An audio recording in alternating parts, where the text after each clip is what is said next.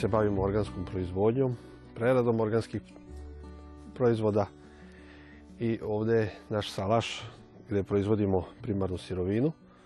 Imamo jabuke i kruške, breskve, tako da ćete u narednom periodu pogledati kako to sve kod nas izgleda.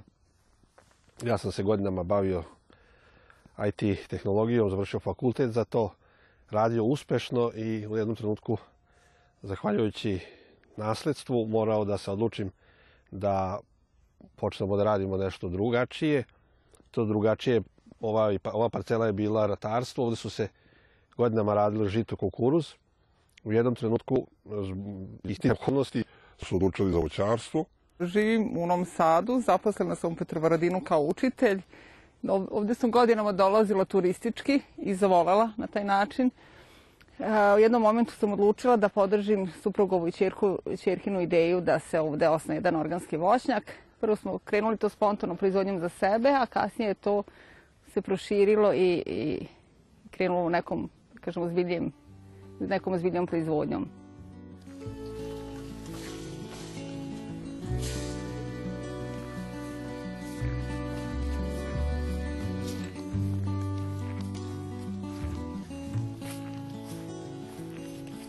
Evo, nalazimo se u organskom voćnjaku. Ja i moja čerka ćemo da oberemo nešto od krušaka. Vidjet ćete proces. Proces je jednostavan. Ovdje pre šest godina je bio, bilo strnjište. Inače, ovaj kraj u Futogu je i pripadao vinogradarskom kraju, jer je zemljište dosta oskudno. Ali, zahvaljujući nekim našim pokušajima, napravili smo voćnjak. Ovdje konkretno ćete vidjeti šest godina stare kruške koje su na sejancu. E, specifično je zbog toga što u samom zemljištu ima dosta kalcijuma, pa nije moglo ići drugačije nego samo proizvodnja na sejancu. Zato je i rod tako dugo se čeka, nije da sada je sve prekriveno, načičkano ovim kruškama. E, s jednog razloga drugo, ovdje se prehrana vrši stajnjakom, pa je to jedan sve usporeniji proces u odnosu na konvencionalni.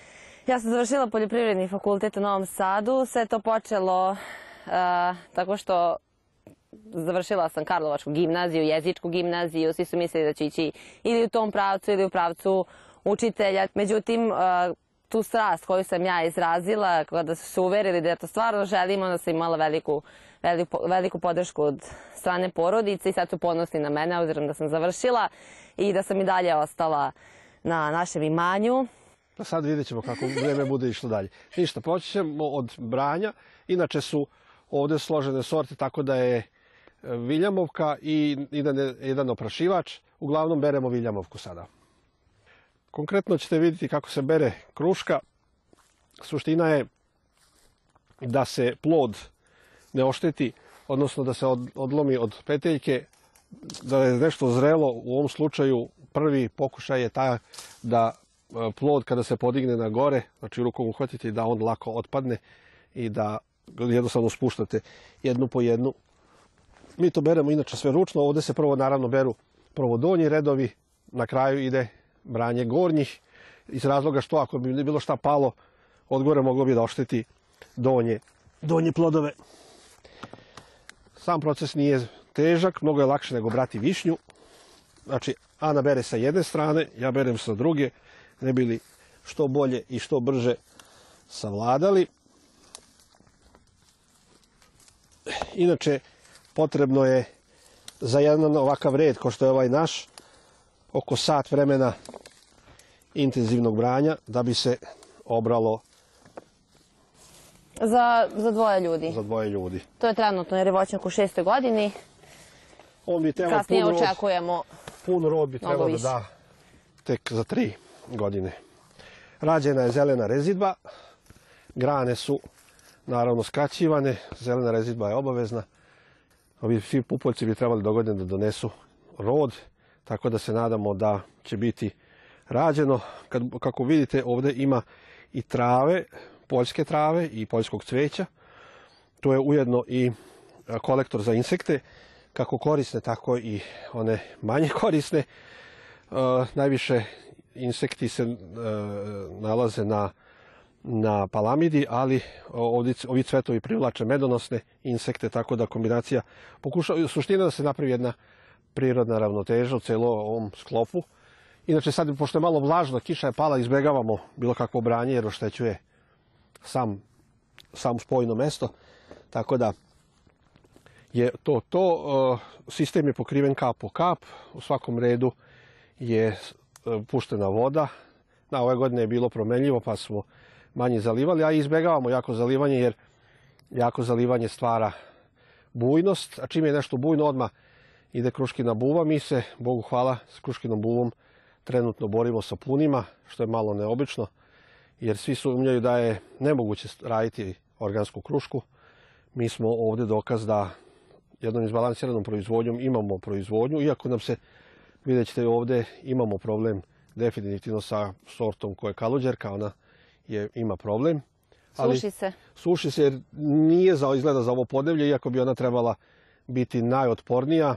Ispostavilo se da je Viljamovka nešto što ćemo proširivati u budućnosti i kad tome ćemo se najviše bazirati jer je to i najviše tražena kruška i najukusnija i najlepša je i stiže negdje u augustu kad svi kreću u školu, onda imamo najbolju ponudu za tržište.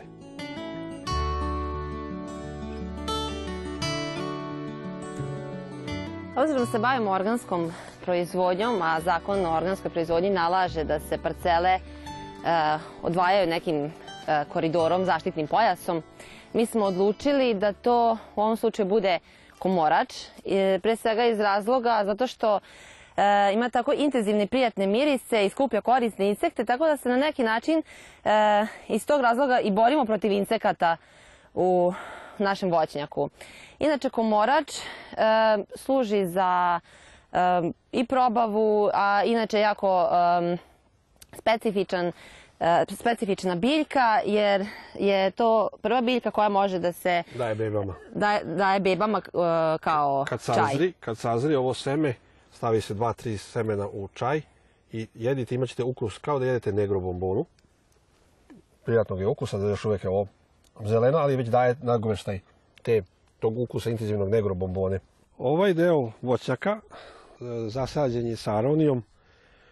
Aronija je naš prvenac, u njoj smo počeli jer je e, aronija kao takva je u organskoj najzahvalnija, zahtjeva samo agro, dobru agrotehniku, ne zahtjeva hemijsku zaštitu i uvijek daje dobre i kvalitetne plodove, naravno mora da se rezuje, a od nje jedemo je u svežem stanju, dobar je antioksidant i uh, pravimo Obnavlja crvena krvena zrnca. znači sve što u sebi ima jako puno tanina, to obnavlja krvna zrnca, a inače pravimo od nje sok i kao tako, takvi smo prepoznatljivi. Matični sok bez ima Oni koji se razumiju u šećere ima preko 20% bliksa. Znači izuzetno je slatka. U, u sljedećem nizu nadovezuje se, nadovezuju se jabuke. To je samo deo i to smo zasadili nekoliko različitih vrsta koje su naravno otporne na, na, na venturiju, na čađevost, kao najveći uzročnik propasti jednog jabučnjaka. E, ovo su otporne sorte, e, to su pre svega e, kožara, kolačara i budimka. Ima nešto novih sorti, a to je Enterprise, Ana. Williams Pride. Williams Pride. Golden Rush. Golden Rush, jesu engleski neki nazivi, ali kao i sama Viljamovka je onaj engleski naziv, ona je još iz 17. 18. veka, ali su, to, su, to su sorte koje su opstale tolike godine zahvaljujući svojom, svojom otpornosti.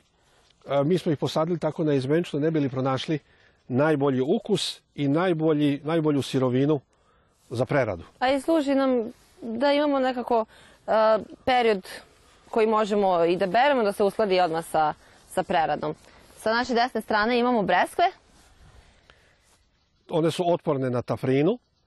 E, to je e, specifična vrsta, e, inače to je spada u grupu vinogradarskih, bresaka koje su otporne na tafrinu. Svi koji rade sa breskvama znaju koji je problem ta bakterija, ta tafrina.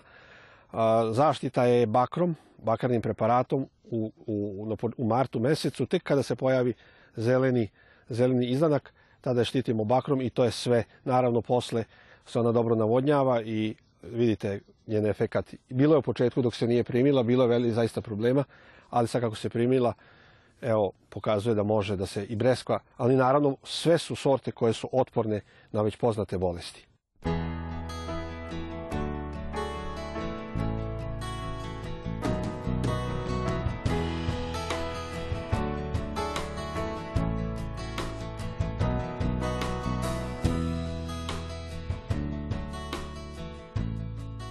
Nalazimo se u Futogu ispred naše kuće, ovo je roditeljska kuća. Kuća je naslijeđena, moj otac je to radio i meni je ostavio i mojoj sestri, tako da i našoj deci. Tako da je o, sad to otrgnuto od propadanja i od zaborava i eto, nas sada radimo u novom, novom sastavu. Da, Milenko je dobio moju punu podršku, ali pre svega jako je važno da je čovjek zadovoljan i da radi ono što voli. iz neke savremene tehnologije posle 25 godina rada uspešno e, vraćamo se prirodi, vraćamo se znači ono što su nama naši dedovi, jer moj, moj deda je radio poljoprivredu, moj otac, pa eto sad ja i ostavio sam naravno čerku, sad koliko sam je zarobio u I toku. sina, naravno, koji... Sin, da. ne smemo zaboraviti nikako.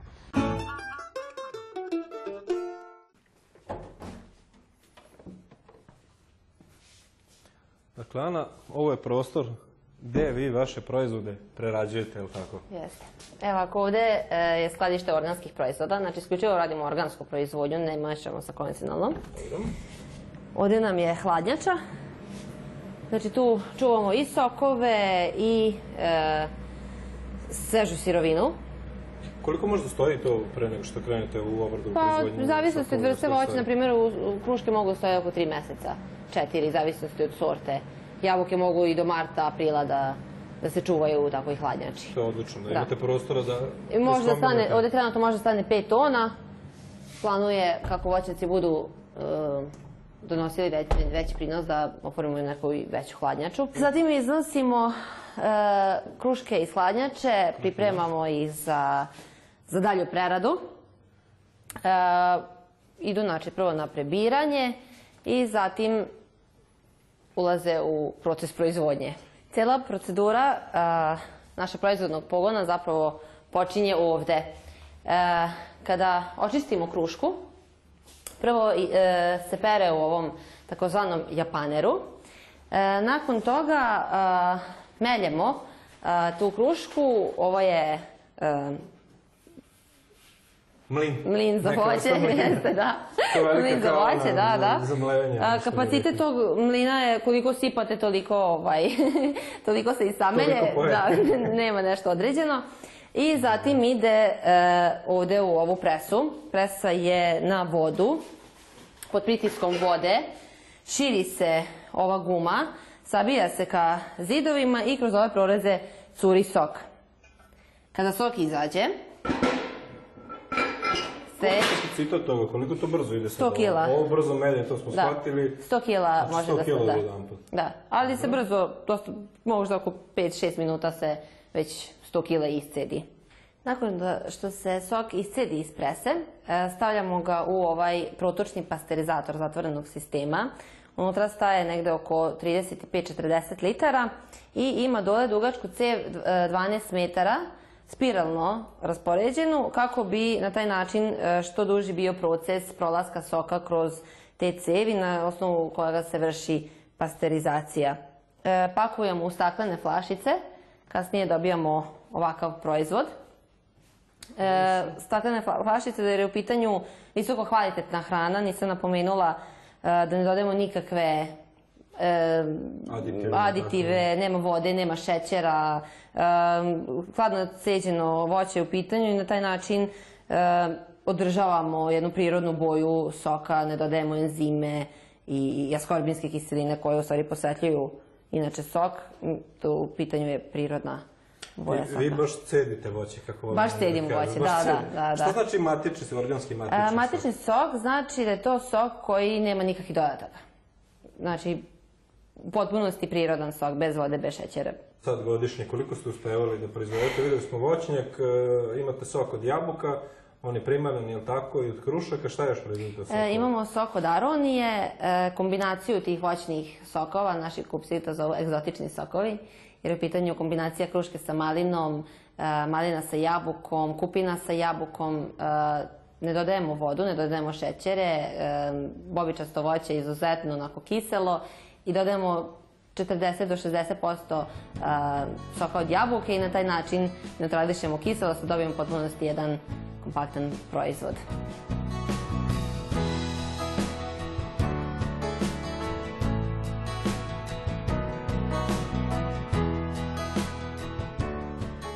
Pored ovih sokova vi proizvodite jedan jako zanimljiv proizvod. Ja ne znam da ste jedini na tržištu Srbije sa tako nečim. O čemu se radi i kako ide proces proizvodnje toga? Da, Trebam da smo jedine, ali verujem da će da, ovaj, da nas kopiraju, što bi rekli. da. Ali nema veze, neka raste. To, to je ovo. E, to je ovo, tako je. Bolje, bolje vi ispričate o čemu se tu radi. To je, da kažem, moj diplomski rad. Ja sam završila na, na krušci, sušanoj krušci, a ovo je u pitanju jabuka.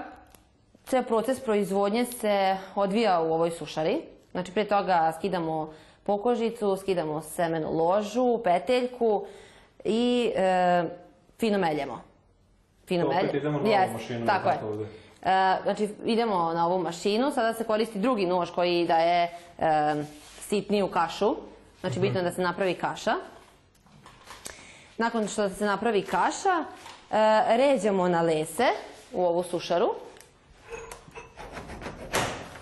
I ono što je bitno isto, ne dodaju se nikakvi drugi sastojci. Znači, nema šećera, nema nekih aditiva, pojačivača ukusa, boje ili slično. Znači samo se samelje Samo i to se samelje i sta- stavlja se jeste, na ove lese.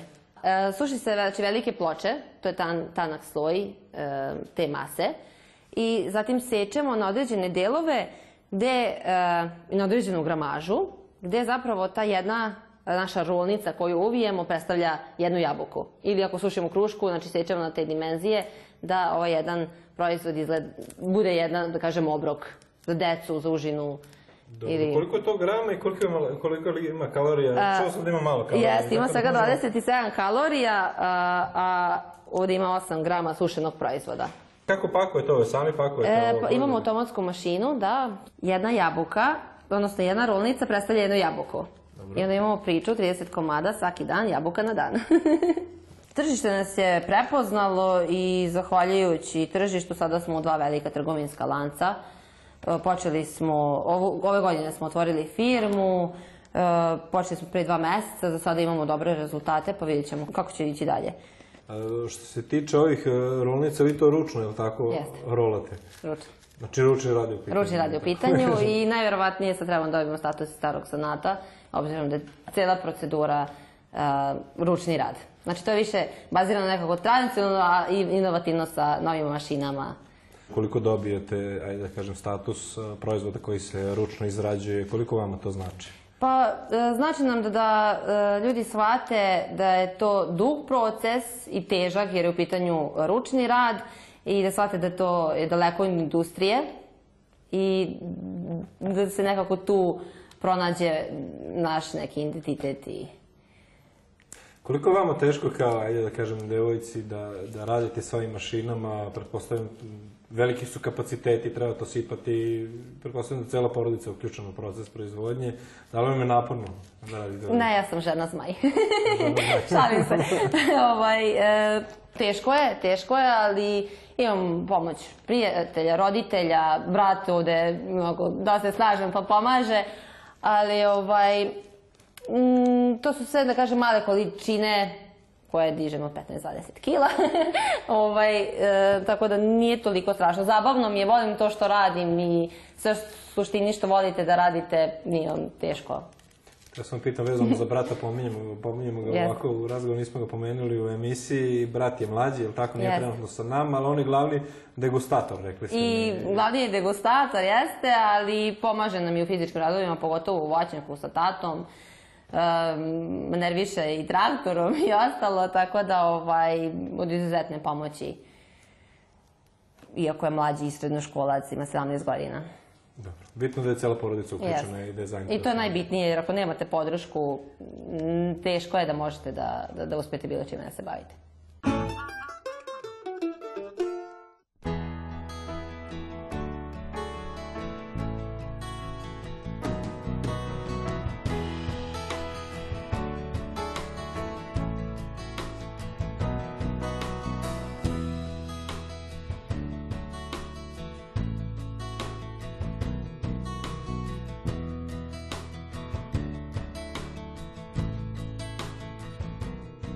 Dobro je da čovjek nađe sebe i u svakom trenutku ima, eto, to su te neke životne faze. Upravo kad ste mladi, želite neku izuzetnu aktivnost, onda kad vam dosade mobilni telefoni i mailovi koji vam pristižu svakodnevno, onda se okrenete prirodi, poljoprivredi, ako imate uslove.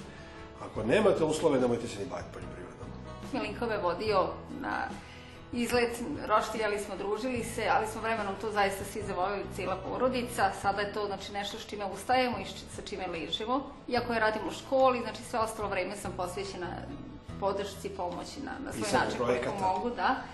Tako da mogu da kažem da je veliko zadovoljstvo što možemo da živimo zdravo, da se hranimo zdravo i naravno možemo i drugima da omogućimo da uživaju tim benefitima tog nekog našeg grada. Evo, ja sam, što bi rekli, gradsko dete, međutim, e, od malena sam dolazila kod dede na selo i tu se zapravo rodila moja strast ka, ka, ka njivi, ka, kasnije i voćnjaku, gde smo ovaj, kasnije i počeli da, da prerađujemo.